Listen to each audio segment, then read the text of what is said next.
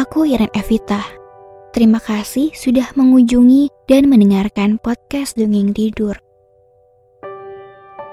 Kamu paling suka bulan dan perayaan atau celebration apa dalam suatu tahun? Bulan Desember dan Christmas adalah bulan dan hari raya favoritku. Aku suka vibes liburan di bulan Desember. Kehangatan dari perasaan sukacita dan damai di tengah musim dingin. Antusiasme menghias pohon Natal dengan aksesori bintang berwarna emas, bola-bola warna-warni yang mengkilap, rumbai putih seolah salju bertengger di pohon Natal, kado rahasia yang tidak sabar diambil dari bawah pohon Natal dan menebak-nebak apa isinya. Juga lagu-lagu Natal. Normally, being a little extra can be a bit much, but when it comes to healthcare, it pays to be extra.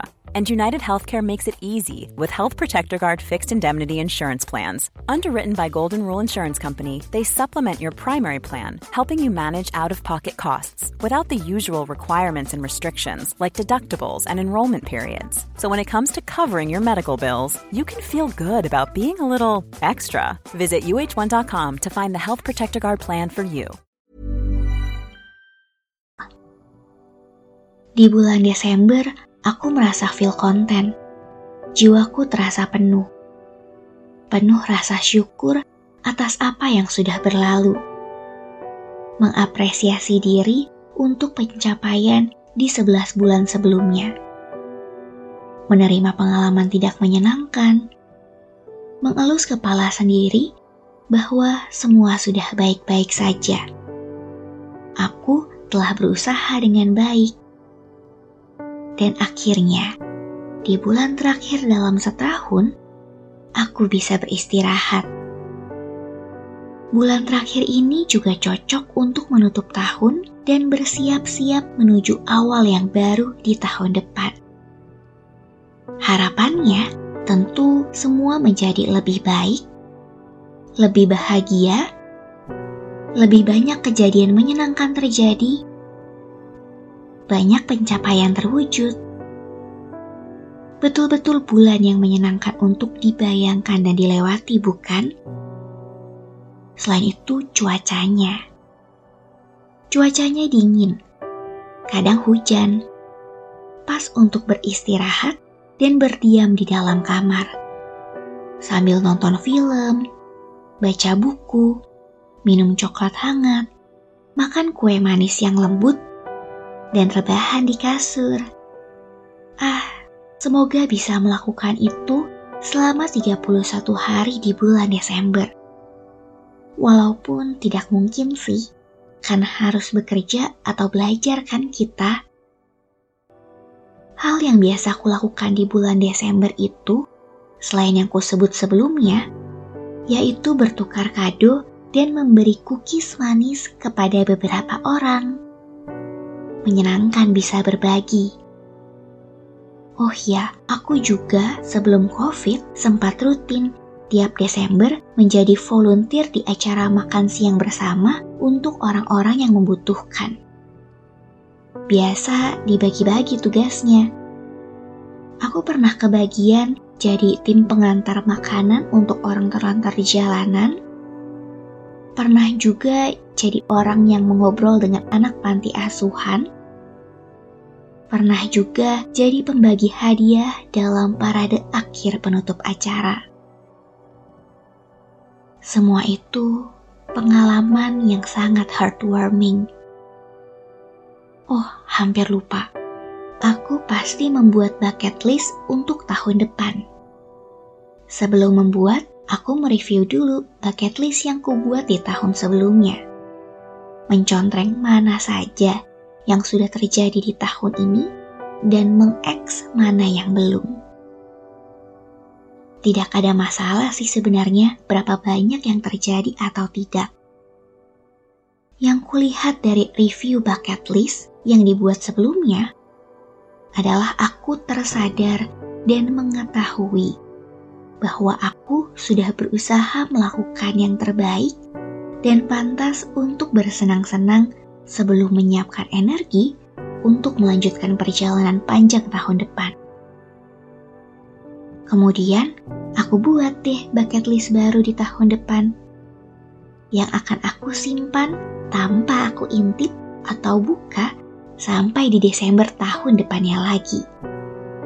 Kalau kamu, bagaimana kamu menghabiskan bulan terakhir di 2023 ini? Kalau begitu, malam ini aku memilih dongeng Funde Vogel dari Grimm's Fairy Tales. Semoga lekas tidur dan bermimpi indah. Dahulu kala, ada seorang rimbawan yang pergi ke hutan untuk berburu. Sesampainya ia, tiba-tiba terdengar suara isakan seolah ada bayi di suatu tempat sekitar situ. Merasa penasaran, ia mencoba menuju asal suara hingga tibalah ia di sebuah pohon yang sangat tinggi. Di puncak pohon tersebut ada seorang bayi sedang terbalut dan bertengger di batangnya. Burung betina terlihat berada di samping bayi itu. Tak lama pergi dan terbang tinggi menjauhi pohon. Tanpa melewatkan kesempatan, Rimbawan memanjat naik untuk membawa turun bayi mungil dan berkata pada dirinya, "Kamu akan membawa pulang bayi ini dan membesarkannya bersama Lina." Maka, sesuai tekadnya, dibawalah pulang bayi itu oleh Rimbawan. Saat tiba di rumah, Lina, putri dari Rimbawan yang masih balita, melihat sosok asing yang dibawa pulang ayahnya. Ayahnya menjelaskan bahwa bayi mungil ini akan menjadi adik lelakinya bernama Funde Vogel, artinya burung terlantar. Dinamakan demikian karena seekor burung membawa bayi itu ke atas pohon. Bertahun-tahun kemudian, Funde Vogel dan Lina bertumbuh remaja dan saling menyayangi satu sama lain. Sampai-sampai, jika mereka tidak melihat satu sama lain atau terpisah sebentar, mereka akan merasa sangat sedih.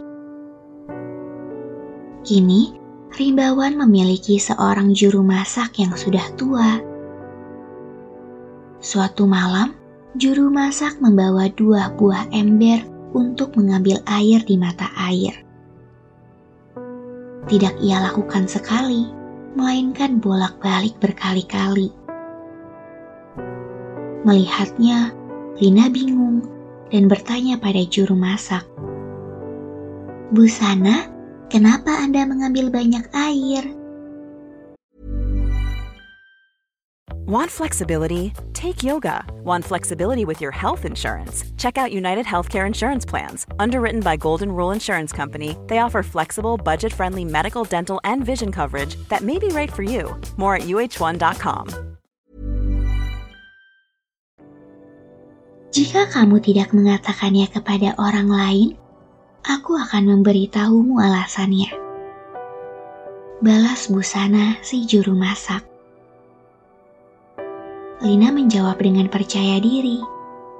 Tidak akan aku beritahu kepada siapa pun Busana. Maka Busana juru masak berkata, Besok pagi saat rimbawan pergi keluar untuk berburu, aku akan memanaskan air yang kuambil ini.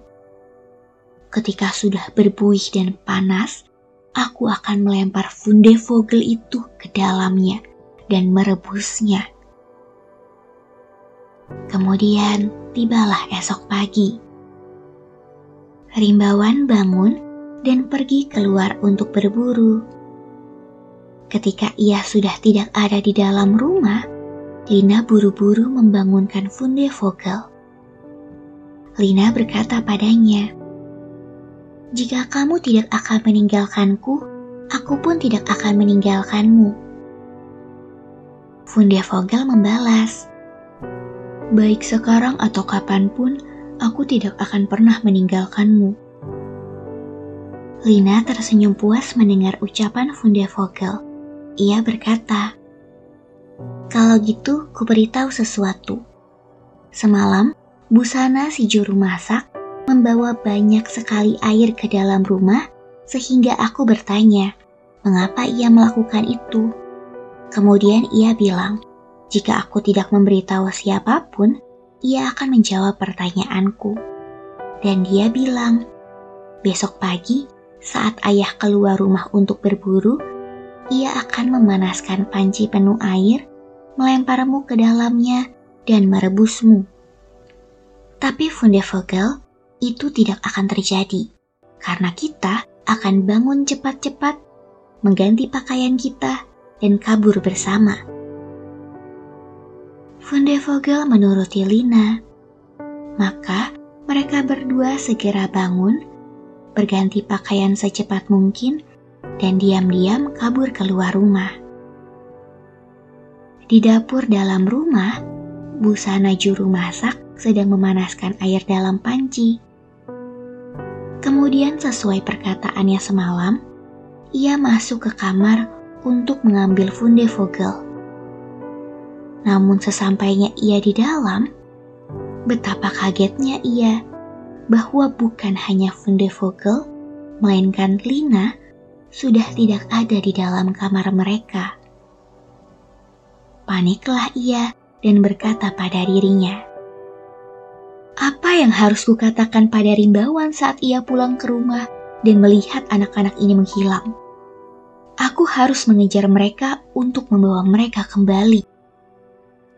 Busana juru masak memanggil tiga pelayan dan menyuruh mereka mencari anak-anak. Di sisi lain, di dalam hutan, Funde Vogel dan Lina sedang duduk beristirahat di bawah pohon. Kemudian mereka menyadari dan melihat ada pelayan yang sedang berlari mencari mereka. Lina berkata pada Funde Vogel, "Jangan tinggalkan aku, dan aku tidak akan meninggalkanmu." Funde Vogel membalas, Baik sekarang atau kapan pun, aku tidak akan pernah meninggalkanmu. Lina berkata, Kalau begitu, kamu menjadi pohon mawar dan aku adalah mawarnya di pohon itu. Begitu tiga pelayan itu tiba di tempat Funde Vogel dan Lina, mereka tidak menemukan anak-anak, melainkan hanya pohon mawar dan bunga mawar. Salah satu dari mereka pun berkata, "Tidak ada apa pun di sini." Maka mereka pulang dan memberitahu busana juru masak bahwa tidak ada apa pun di dalam hutan selain pohon mawar kecil dan setangkai bunga mawar. Busana juru masak membentak para pelayan itu. Dasar bodoh, kalian harusnya potong pohon mawar kecil itu menjadi dua dan mencabut bunga mawarnya, lalu bawa pulang ke sini. Pergi dan lakukan dengan cepat sekarang juga. Maka kembalilah ketiga pelayan itu menuju tempat pohon mawar kecil berisi setangkai mawar berada. Anak-anak melihat para pelayan itu kembali dan sedang menuju ke arah mereka. Lina berkata pada Funde Vogel, Jangan tinggalkan aku dan aku tidak akan meninggalkanmu. Funde Vogel membalas, Baik sekarang atau kapan pun, aku tidak akan pernah meninggalkanmu. Lina berkata, Kalau begitu, kamu menjadi gereja dan aku akan menjadi tempat lilin di dalamnya. Begitu tiga pelayan itu tiba di tempat Funde Vogel dan Lina, mereka sekali lagi tidak menemukan pohon mawar kecil berisi setangkai mawar, melainkan gedung gereja dengan tempat lilin di dalamnya. Mereka pun berkata satu sama lain, "Apa yang bisa kita bawa dari sini? Mari kita pulang." Ketika tiba di rumah, busana juru masak menanyai ketiga pelayan itu apakah mereka menemukannya. Dan para pelayan menjawab tidak. Busana juru masak memarahi mereka lagi dan berkata, "Dasar bodoh, kenapa tidak menghancurkan gedung itu dan membawa tempat lilin itu ke dalam rumah?" Kali ini, busana juru masak ikut pergi bersama ketiga pelayan untuk mengejar anak-anak. Anak-anak melihat para pelayan itu kembali bersama dengan Bu Sana juru masak dan sedang menuju ke arah mereka. Lina berkata kepada Funde Vogel, "Jangan tinggalkan aku dan aku tidak akan meninggalkanmu." Funde Vogel membalas, baik sekarang atau kapan pun, aku tidak akan pernah meninggalkanmu. Lina berkata, kalau begitu, kamu menjadi danau ikan dan aku akan menjadi bebek berenang di atasnya. Begitu busana juru masak dan ketiga pelayan itu tiba di tempat Funde Vogel dan Lina, mereka tidak menemukan gereja dengan tempat lilin di dalamnya melainkan sebuah danau. Setelah berjalan dari rumah ke hutan, busana juru masak merasa haus. Ia menundukkan diri ingin meminum air dari dalam danau. Namun, Lina yang sedang menjadi bebek buru-buru berenang ke arah busana juru masak, menangkapnya dengan paruhnya, menariknya ke dalam air, sehingga busana jahat itu tenggelam ke dalam danau. Kini tiada lagi yang akan memasukkan Funde Vogel ke dalam panci berisi air panas dan merebusnya. Setelahnya, pulanglah Funde Vogel dan Lina ke rumah bersama. Hati mereka kini sudah tenang dan dapat hidup bersama dalam damai.